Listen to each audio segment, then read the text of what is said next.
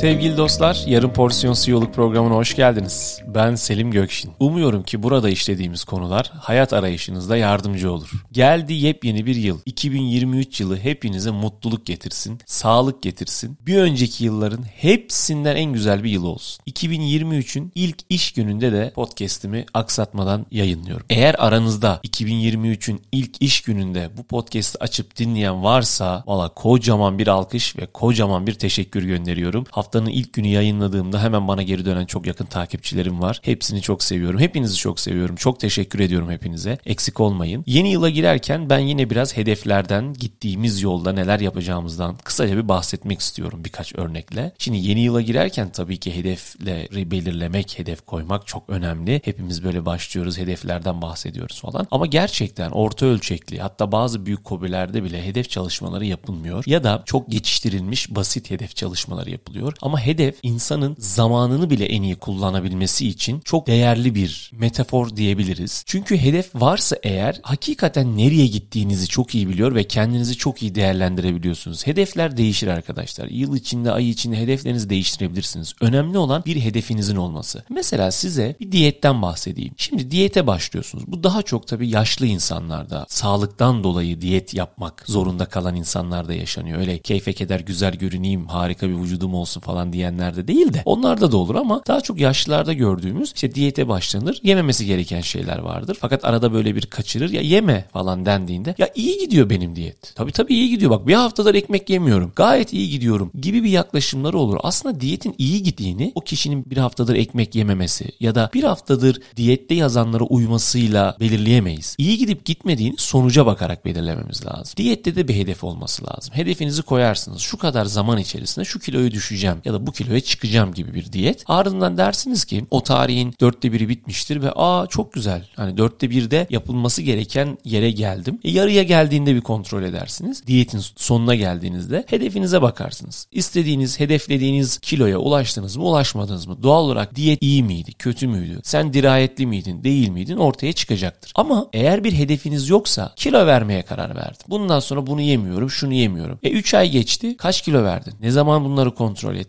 Bunları hiçbir zaman bilemeyeceğin için gayet iyiydi deyip geçiştirirsiniz. Aynı şey sporda da var. Mesela sporda belli hareketler size yazıldı. Belki bir PT ile çalıştınız. Bunun daha fazla etkisini gördünüz ya da yalnız çalışıyorsunuz. 15 tekrar yapıyorsunuz bir harekette. E 15 tekrarı tamamladınız ama hala gücünüzün olduğunu hissediyorsunuz. Yani 16 da çıkar, 17 de çıkar. Hemen hemen tüm spor hocaları diyor ki vücuttaki kasların gelişmesi için bu kasların zorlanması lazım. O yüzden 15 hedeflediğin bir tekrarda 16-17 çıkıyorsa bunu çıkarman lazım. Hatta daha fazlasını yapabiliyorsan şunu demen gerekiyor. Ben artık hedefi bir güncellemem lazım. Günlük şu kadar kalori yakmam. Bu harekette şu kadar tekrar yapmam benim için basit. O yüzden benim bu tekrarları bir yenilemem, hedefimi değiştirmem gerekiyor. İşte hedefiniz varsa kendi kendinize dersiniz ki ben bu hedefi aştım, bunun üstüne çıkmalıyım. Daha iyi bir spor yapabilen, daha iyi bir vücuda sahip olabilen bir insan olmak için. Eğer hedefiniz yoksa kafanıza göre hareketleri yapar. Bugün kol çalışayım, bugün omuz çalışayım, bugün biraz koşayım gibi bir saçma sapan boşa geçen vakte sahip olursunuz. Montaigne'in harika bir sözü var. Eminim çoğunuz duymuşsunuzdur. Hedefe olmayan gemiye hiçbir rüzgar yardım edemez. Çünkü hedefiniz olmalı ki sizin kendi güçleriniz, çevreniz size yardımcı olabilsin. Siz de onlardan gerekli yardımları isteyebilmelisiniz. Peki ne için isteyeceksiniz? Hedefinize ulaşmak için isteyeceksiniz. İşleriniz için de bir hedefiniz olmalı. Hedefi çok net bir şekilde koymalısınız. Rakamlarla koymalısınız. Çünkü ticareti yaparken rakamlar konuşur. Düşünün hiç arabaya binerken bir yola çıkıyorsunuz. Nereye gittiğinizi bilmeden hiç yola çıkar mısınız? Bugüne kadar yani atarlı bir şekilde kapıyı çarpıp gitmediyseniz arabaya binerken kafanızda bir yere gitmek vardır. Doğal olarak boş boş gezip eve geri dönmemek için arabaya binerken şu markete gideceğim dersiniz. Ya da şu şehre gideceğim dersiniz. Bir hedef koyarsınız ve o şehre, o markete, o arkadaşınızın evine ulaştığınızda hedefe ulaşmışsınızdır. Ha, bu arada navigasyonlar da öyle diyor değil mi? Hedefinize vardınız. Çünkü bir hedef belirleyip beni buraya götür diyorsunuz. Boş boş gezip nereye gideceğinizi bilemeyeceğiniz bir an yaşamıyorsunuz. Bu yürürken de böyle illa araba değil. Ama yıla başlarken hedef koymazsanız boş boş gezip yılı tamamlayıp yeniden başa dönebilirsiniz. O yüzden hedefi koymalı, yıla başlamalı ve yılın ortasında geldiğinizde hedeflerinize yaklaştıysanız hedefinizi güncelleyebilirsiniz ve bu harika bir haber. Eğer yılın ortasına geldiğinizde imkansız bir hedef koyduğunuzu gördüğünüzde yeniden hedefi güncelleyip motivasyonu kırmadan yapılabilecek, ulaşılabilecek gerçekçi bir hedeflere ulaşmak lazım. Tabii ki hedef koyarken de gerçekçi hedef olması lazım. Saçma sapan değil. Çünkü siz ve ekibiniz bu hedefe hedefe ulaşmak için bir çaba sarf edeceksiniz. Ve bu yıllık hedefi ortaya koyduğunuz rakamlarla beraber kontrolleri çok önemli. Yıllık hedefi aylarla, aylık hedefi de haftalarda kontrol etmelisiniz. Bu ay sonunda bu ciroyu yapacağız dediğinizde ve ayın 22'si, 23'ü, 24'ü olduğunda artık iş işten geçtiğinde son 6-7 günde kotaramayacağınız bir problemle karşılaştığınızda artık her şey çok geçtir. Ama ilk hafta sonunda, ikinci hafta sonunda baktığınızda hedefimizin neresindeyiz diye sona kalan 3 ya da 2 haftada hedeflerinize ulaşmak için ekstra çalışmalar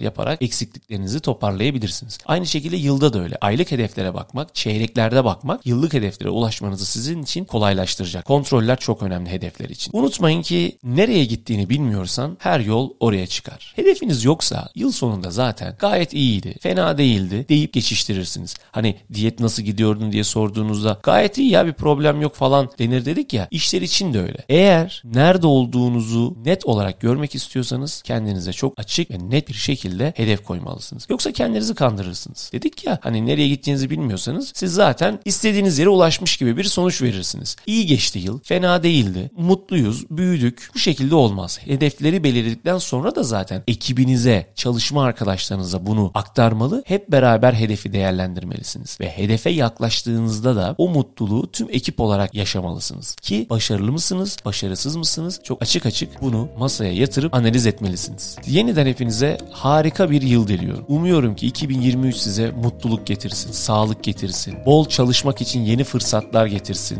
ve yeni girişimlere, yeni işlere de yol açsın. Yeni bölümlerde görüşmek üzere. Esen kalın.